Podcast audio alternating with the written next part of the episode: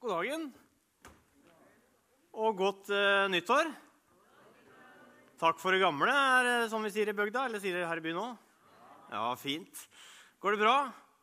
Ja, fint. Jeg Håper dere har kost dere i jula. Ja, folk nikker. Jeg har kost meg veldig. Håper dere, håper dere har spist mye god mat. Er det noen som kjenner jeg er klar for noe vegetarmat snart? Men det er noe ett med jula. Kose seg med familie og venner og sånn. Det er veldig fint. Og jeg har vært så heldig å få eh, reise til Bergen i jula. Jeg har gifta meg med Tine, og hun er bergenser. Så da er jeg liksom på programforplikta til å reise til Bergen annethvert år. Og det går fint, det, altså. Å reise til svigers. Og jeg pleier å si at å reise til svigers det er som eh, å reise på hotell med barnevakt. Så det er veldig fint.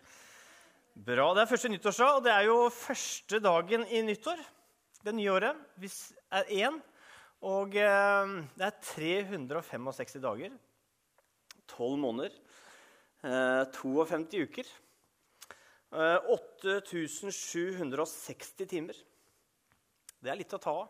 Og hvis du er litt kjapp i matte, så er det 365 ganger, eh, ganger 24. Det er jo 8760. Og så er vi da inne i 17. Nå er det klokka litt over fem. Så hvis du er kjapp i matte da, så er det juksing med notatene her. Altså 8743 timer igjen. Så det er litt å ta det, det, det, ligger foran oss, så det er bare til å glede seg. Men eh, nå kan du sette strek over 2018. Det er ferdig. Får ikke gjort noe med det som har vært. Punktum finale. Du er i 2019, så det er veldig greit. Eh, og det kan jo hende du tenkte Søren, 2018. For et år det var liksom det året hvor jeg blomstra. Det var det året det liksom var maks tommel opp. Det var det året det funka bra, liksom. Det var det året du tenkte at det, det er jo ikke noen særlige bekymringer i 2018. Det var det året hvor du våkna og tenkte jeg tar et bilde på, og legger ut på Facebook. Hashtag 'nok en herlig dag'. Eller kanskje du var pensjonist og skrev hashtag 'herlig på Litorvet'. Herlig å være singel på Litorvet, kanskje. Det er ikke godt å si. Ikke vet jeg. Men om du kjenner at 2018 var eh, fint, så får du ikke tatt det igjen. Og så kan det hende du tenker at tja, det var jo ikke egentlig så bra. Det kan hende du kjenner at jeg uttrykte det kanskje fint på Facebook eh, med fine julebilder og sånn. Men så vet man jo da kanskje bak bildet og bak smilet så er det ikke alltid en happy family allikevel. Det var kanskje ikke bare gode dager. Kanskje du tenkte at ja, jeg skulle gjerne hatt eh, færre av de dagene der. Og så kanskje du sitter her og kjenner at 2018 eh, det kunne få billig av meg. Det, det hadde jeg lett hoppa over. For det kan hende du tenker at det er stort sett så var 2018 det var et år med litt tårer. Det var år hvor eh, du våkna om morgenen og tenkte dette er mørkt. Det kan hende 2018 var det året du mista noen du var glad i. Kanskje ikke du fikk tatt ordentlig farvel. Kanskje du kjente det i natt at når klokka blei tolv, så var det noen som ikke var der. Eller eh, at du ba en bønn inni at Kjære Jesus, hjelp meg at 2019 blir bedre enn 2018. For jeg vet ikke om jeg orker et år til med det året som var. Livet er sårbart. Og har du levd et liv, så erfarer du lett at det, livet det kan være himla godt å leve. Det kan være nydelig med alt det det har å komme med. Og så skapte ikke Gud noen roboter. Han skapte meg og deg, mennesker, med fri vilje. Fri vilje til å klappe på kinna, gi omsorg. Og så er det så av og til så lett å snu handa og gjøre det motsatte. Det var prisen Gud måtte betale for at vi skal elske, og ha sann kjærlighet, at vi kan velge å elske riktig og kunne velge å elske Gud. Så vet vi at relasjoner, det er sårbart. Det kan være godt, og det kan være vondt. Og så har vi jo noen sårbare kropper i tillegg, som gjør at livet kan være utfordrende. Så skal ikke jeg være noen gledesdreper første, juledag, nei, første nyttårsdag. Men sånn er livet. Her inne så sitter det kanskje noen som våkna og tenkte Yes, nå er vi i gang. 2019. Og andre tenker at Uff a meg. Men dette livet, det fortsetter i 2019. Eh, så inngangen av det året her så jeg har lyst til å mindre på noen sannheter og noen gode nyheter som jeg tenker passer, og som du kan ta med deg inn. Og det er noe Jesus sier i eh, Lukas 4 bare noen kapitler etter uh, juleevangeliet, som vi leste i kapittel 2. Som dere har hørt kanskje, hvor Jesus ligger i krybba. Men i kapittel 4 så er ikke Jesus i krybba lenger. Han har blitt voksen, og han er i synagogen. Og der er han med de andre gutta. Jeg vet ikke om Det var noen menn der, men det, det som var vanlig når de var i synagogen, det var at de leste ifra Skriftene. Om det var salme eller Jesai eller, eller loven eller Det var liksom Det gamle testamentet de leste, leste fra. Og så, Det som var vanlig da, det var at de gikk på rundgang og så kommenterte, eh, kommenterte, kommenterte det som sto der. Og nå var turen kommet til Jesus. Og Jesus velger å lese en tekst fra Jesaja 61. Der står det Herren, Guds ånd, er over meg. For Herren har salva meg. Han har sendt meg for å forkynne et godt budskap for hjelpeløse for å binde den som har et knust hjerte, rope ut frihet for den som er i fangenskap, og frigjøring for dem som er bundet, for å rope ut et nådens år for Herren. Jesus leste det her, og så satte han seg. Og så sa han det at eh, i Lukas 4, 21 står det I dag er dette skriftordet blitt oppfylt mens dere hørte på. Og hva var det Jesus sa? Han sa at 'Herrens ånd er over meg'. Herren har salva meg. Det er han som har sendt meg, og han har sendt meg for å forkynne et godt budskap. For de hjelpeløse. For å binde de som har et knust hjerte. For å rope et frihet for de som er i fangenskap. Og frigjøring for den som er bundet. Og for å rope ut et nådens år fra Herren. Det er godt. For Jesus han kom for å forkynne et godt budskap for de hjelpeløse. Kjenner du at du kan være hjelpeløs, at situasjonen er helt håpløs? Så sier Jesus at det, han har kommet med et godt budskap. Har du kjent deg knust, så vil Jesus rette opp det. Og har du kjent deg fanga, kanskje ikke bokstavelig sittet i et fengsel, men du kjenner at 'jeg har prøvd å slutte, jeg har prøvd å la være', men du klarer det ikke da sier Jesus at jeg kommer med frihet til deg. Og til slutt så står det at han vil rope ut. Han vil ikke hviske det, men han vil rope det ut så alle forstår at dette er et nådens år. Det var et nådens år den gangen da Jesus sa det. Den gangen, og det er det også i år 2019. Det er et nådens år, folkens. Og I Johannes evangeliet 3, 16 og 17 står det for så høyt har Gud elsket verden at han ga sin sønn, den enbårne, for at hver den som tror på Han, ikke skal gå fortapt, men ha evig liv. Gud sendte ikke sin sønn til verden for å dømme verden, men for at verden skulle bli frelst ved ham. Gud sendte sin sønn, til Jesus. Gud sendte sin sønn Jesus til oss, ikke for å dømme, men han kom for at vi skulle bli frelst, og vi kan leve i nådens tid. Det er en ting å høre det, at dette er et nådens år. Det er en ting kanskje du kan lese det. En annen ting er å tro det og hvile i det i ditt liv. At det året som kommer nå, at det kan være et nådens år i ditt liv. Og min bønn eller når jeg forbereder talen her, er at du skal ta med deg her. At uansett hva som kommer til å komme, så kan du hvile i at det er et nådens år. At et år hvor du velger å hvile i at det Jesus har gjort for deg at det holder. At 2019 kan bli det året da du tenker at ja, jeg velger å starte på nytt. I salmene står det at du skal få nye hva står det, blanke ark og fargestifter til. Nei, det var Alf Prøysen som sa det. Men Jesus han kunne like godt sagt det. Fordi han ønsker. Han ønsker at vi skal få blanke ark. Eller kanskje det er året hvor du velger at i år det skal være året hvor jeg skal være rausere med å tilgi andre. Kanskje skal det være året hvor jeg velger å tilgi den personen som jeg kanskje burde ha tilgitt for lenge siden. Kanskje det er det året hvor jeg velger å strekke meg enda mer etter å ligne Jesus. Og jeg skal være enda mer raus mot meg sjøl de gangene jeg ikke greier det. Jesus han snakka om eh, nådens år. Og var det en som virkelig fikk oppleve det her, så var det Paulus. Han starta i mange menigheter. Og det er interessant, for han fulgte opp disse menighetene ved å sende brev til dem. I dag så kanskje han hadde reist på en, tatt fly og reist og besøkt dem, en Skype-samtale, men han sendte brev. Og vi kan jo lese disse brevene i Bibelen, hvor han kom med oppmuntringer til dem og veiledning. Og han starter faktisk så å si alle sine brev med noe interessant, hvor han sier 'nåde og fred være med dere'.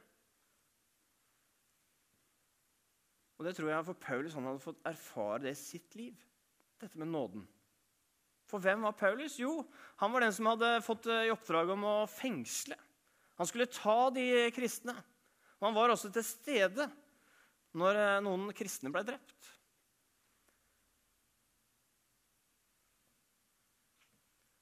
Og så fikk Paulus oppleve nåden.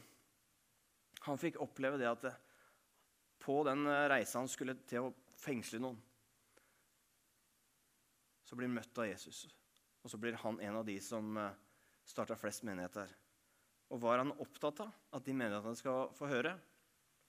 Jo, at de skal forstå nåden. I Filippe-brevet 3, 13-16-14 står det.: Mine søsken, jeg tror ikke om meg selv at jeg har grepet det. Men én ting gjør jeg. Jeg glemmer det som ligger bak, og strekker meg etter det som er foran. Paulus han ville sette strek. Punkt og finale er ferdig, det som har vært. Og så vil jeg strekke meg etter det som er der framme. Og det er også vi mulighet til oss til. Strekke oss etter nåden. For er det noe vi kan trenge å gjøre, kjenner mitt liv, så er det å strekke meg etter nåden. Til og med jomfru Maria fant nåde hos Gud. Og jeg har hele tida tenkt at jeg, til og med fram til den jula her, jeg tenkte at jomfru Maria må jo ha vært den som er mest eh, plekkfri på jord. liksom. Men hva står det i Lukas 1,28? Maria fikk høre. Vær hilset, du som har fått nåde. Hun også trengte nåde. Så her kommer det frem at hun også hadde visst ikke alt på stell. Hun fikk nåde. Og hun er ikke aleine om det. Og jeg må innrømme at jeg ble oppmuntra å lese i Bibelen. For i Bibelen så har jeg vel bare funnet én person som klarte å holde sitt sti ren. Og det var Jesus, og han har en egen liga for seg sjøl. Resten i Bibelen av folka som er der, det er folk som meg og deg. Folk flest som trenger nåden. Og det er bare til å se til Jesus sin ettertavle. Du behøver ikke drive med mye slektsgransking før du finner ut at der er det folk som er som meg der, som trengte nåden. Og Matteusevangeliet 1.1 starter med ettertavla til Jesus. Der står det dette er ettertavlen til Jesus Kristus, Davids sønn. Så eh, jeg vet ikke hvor mange tipp-tipp-tipp-tippoldefaren ja, mange tipper det må bli, bli men eh, x antall tipper, så tippoldefaren til eh, Jesus, David, kong David, som slo Goliat. Han har skrevet mange flotte salmer og som han brukte som sine bønner. Og Salme 51, der står det Vær meg nådig, Gud, i din kjærlighet. Stryk ut mine lovbrudd i din store barmhjertighet. Vask meg ren for skyld og rens meg for min synd. For mine lovbrudd kjenner jeg, min synd står alltid for meg. Mot deg alene har jeg syndet. Det som er ondt i dine øyne, har jeg gjort. Og vers 9. Ta bort min synd med isopp Isop er en renselse, så jeg blir ren. Vask meg, så jeg blir hvitere enn snø. La meg få oppleve fryd og glede. La lemmene du knuste, få juble. Skjul ditt ansikt for mine synder, utslett all min skyld. Gud, skap i meg et rent hjerte, og gi meg en ny og stødig ånd. Driv meg ikke bort fra ditt ansikt, ta, ikke fra, ta ikke fra meg din hellige ånd. Gi meg igjen gleden av din frelse, hold meg oppe med en villig ånd. Hvorfor? Hvorfor ba David denne bønnen her? Hvorfor ba han om 'vær meg nådig'? Hvorfor ba han om å skape en stødig ånd i meg? Vask meg, sa han. Vær meg nådig. Jo, Grunnen til det var jo at David han hadde jo ikke klart å holde sin sti ren helt. Han hadde ikke gjort det helt han skulle. Hva gjorde han blant annet? Jo, han, blant annet så sto han oppe på terrassen sin, og så så han eh, dame, Batseba. Vet ikke hva han gjorde, men han eh, vinka henne opp. Og så lå han med henne her, og så blei hun gravid. Det sies at du kan ikke hindre en fugl å fly over hodet ditt, men du kan hindre den å legge til rede. Det er ikke synd å bli frista. Jesus han ble frista i 40 dager. Men feilen er når vi velger å gjøre noe med det. Og det gjorde David. Han inviterte opp på rommet og låna. Og ikke nok med det, for å skjule det, så mannen til Batseba satte han fremst i en krig, så han måtte dø. Og så blir David konfrontert med det her, hva han hadde gjort, av profeten Natan. Og da ber han den bønnen. Vær meg nådig. Skap en ny og stødig ånd i meg. Han ville vende seg, bort ifra det han hadde gjort. Og selv om David hadde feila stort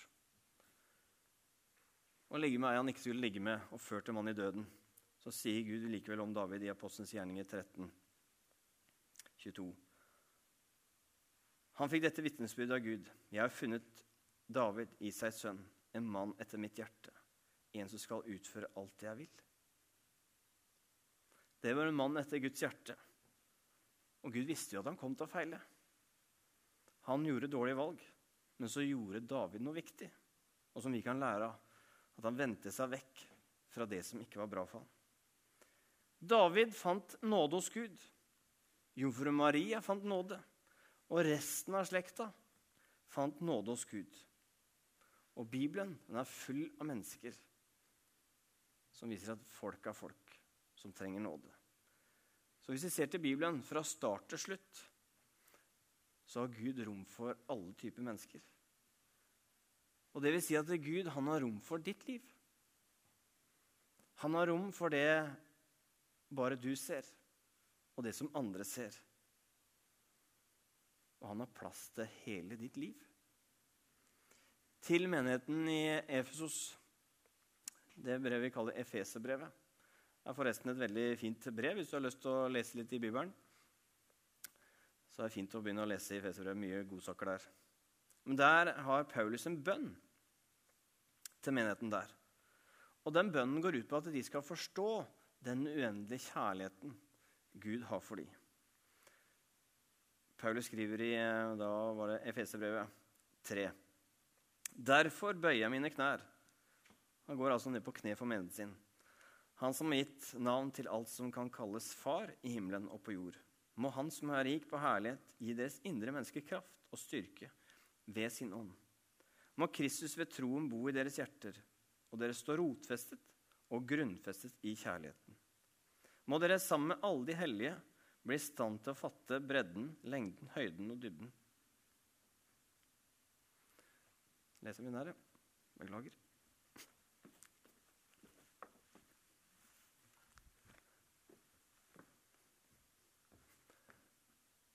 må dere sammen med alle de hellige bli i stand til å fatte bredden, lengden, høyden og dybden, ja, kjenne Kristi kjærlighet som overgår all kunnskap. Må dere bli fylt av hele Guds fylde, Han som virker i oss med sin kraft og kan gjøre uendelig mye mer enn det vi ber om og forstår. Han være ære Kirken og i Kristus Jesus gjennom alle slekter i evighet. Amen.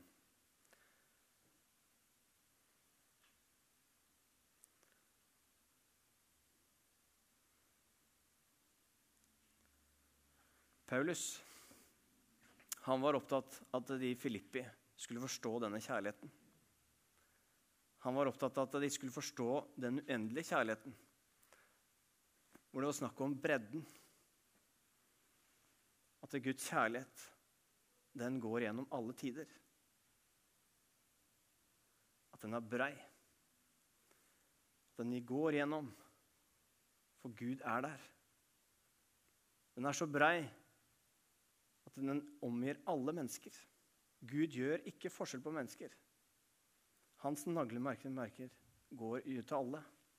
Og den er så lang, for den er fra før du ble skapt, og til evigheten. Så det vil si at han var med i går, i 2018. Og han er med i dag, og han skal være med deg hele 2019. Han er altså så høy at det fins ikke noe annen skapning på denne jord som kan rive deg vekk fra hans kjærlighet. Og det fins heller ikke noe hvor dypt du kan komme fra hans kjærlighet. For han vil være der. Paulus sitt hjerte gikk på at dere må forstå det. Dere må forstå at det er ingenting du kan gjøre. Du, hans kjærlighet for deg er der. Hva enn du måtte finne på, hva enn som kommer til å komme foran, så vil Hans nåde være der for deg. Velg å tro det. Velg å hvile i det. Jeg kan ikke si hva året 2019 vil bringe. For det kommer til å komme dager hvor værmeldinga sier det kommer til å bli sol, sol. Åssen er den sangen? Vi melder om sol, sol, sol. God dag, god dag. Dette er Meteorologisk institutt. Vi melder om sol, sol, sol. Liksom. Og det kommer til å bli mye sol. Halleluja. Men så vet vi også det, at det kommer til å bli dager ved årssida, hverdager, og så kommer det til å komme dager hvor du kjenner at det stormer litt i livet ditt. Det vil det komme. Men da er det utrolig godt å vite at det, uansett hva som måtte komme, så vil nåden og Han være med. Som det kan gjelde ditt liv, og som kan gjelde de som du omgås med.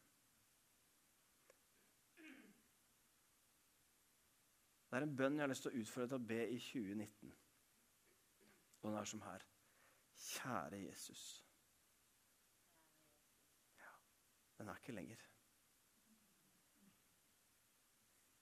Men i ditt sukk, i din pust, i det du kjenner på kroppen din, med det du går og bærer på, så kan du få lov til å bare si 'Kjære Jesus'. Og så vet jo Jesus resten. Vi behøver ikke alle de orda. Vi kan sukke til Han. For mange av dere har jeg bare sagt 'Kjære Jesus'. Så blir jeg så lei av om det er noe jeg sjøl har gjort. Skuffa meg sjøl. Eller det er andre som jeg tenker Er det mulig? Åssen kunne du finne på det? liksom? Så kan vi si 'Kjære Jesus'. Om det er noen du møter, om det er noen som skjer på jobben, hjemme på butikken, så kan du si 'Kjære Jesus'. Og er det ekstra ille, så hiver du på 'Hjelp meg, Jesus'. Det er den muligheten vi har. Paul snakka om å stå grunnfesta. Det handler om at du og jeg vi kan ha et anker i livet. Du kan ha en overskrift, velge at ja, i 2019 det skal være et år hvor jeg velger å leve i denne nåden. Og så stå i det. Er så utfordret til å lukke øynene, skal vi be litt. Så sier Jesus til deg Han sier det hele tida 'Kom til meg'. Gi til han det du kjenner på nå i hjertet ditt.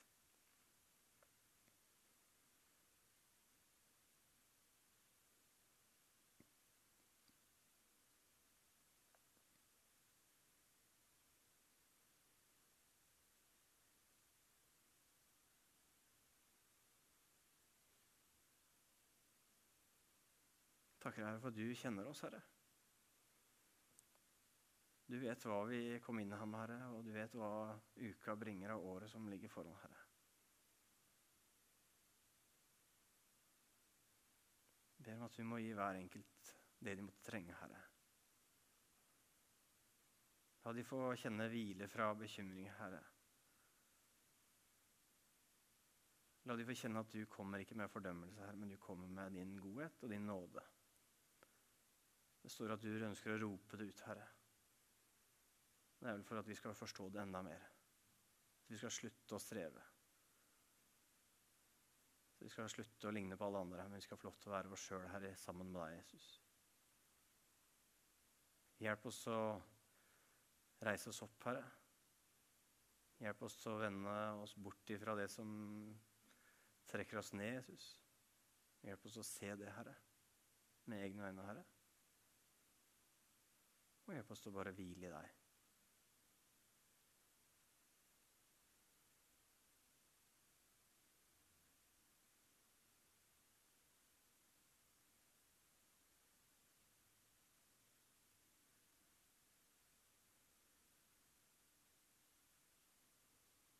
Kom, Herre.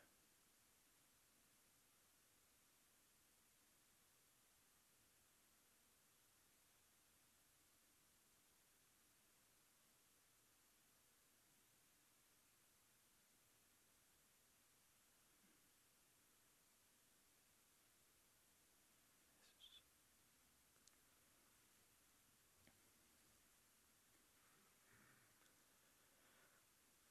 Skal vi gå over til å feire nattvær?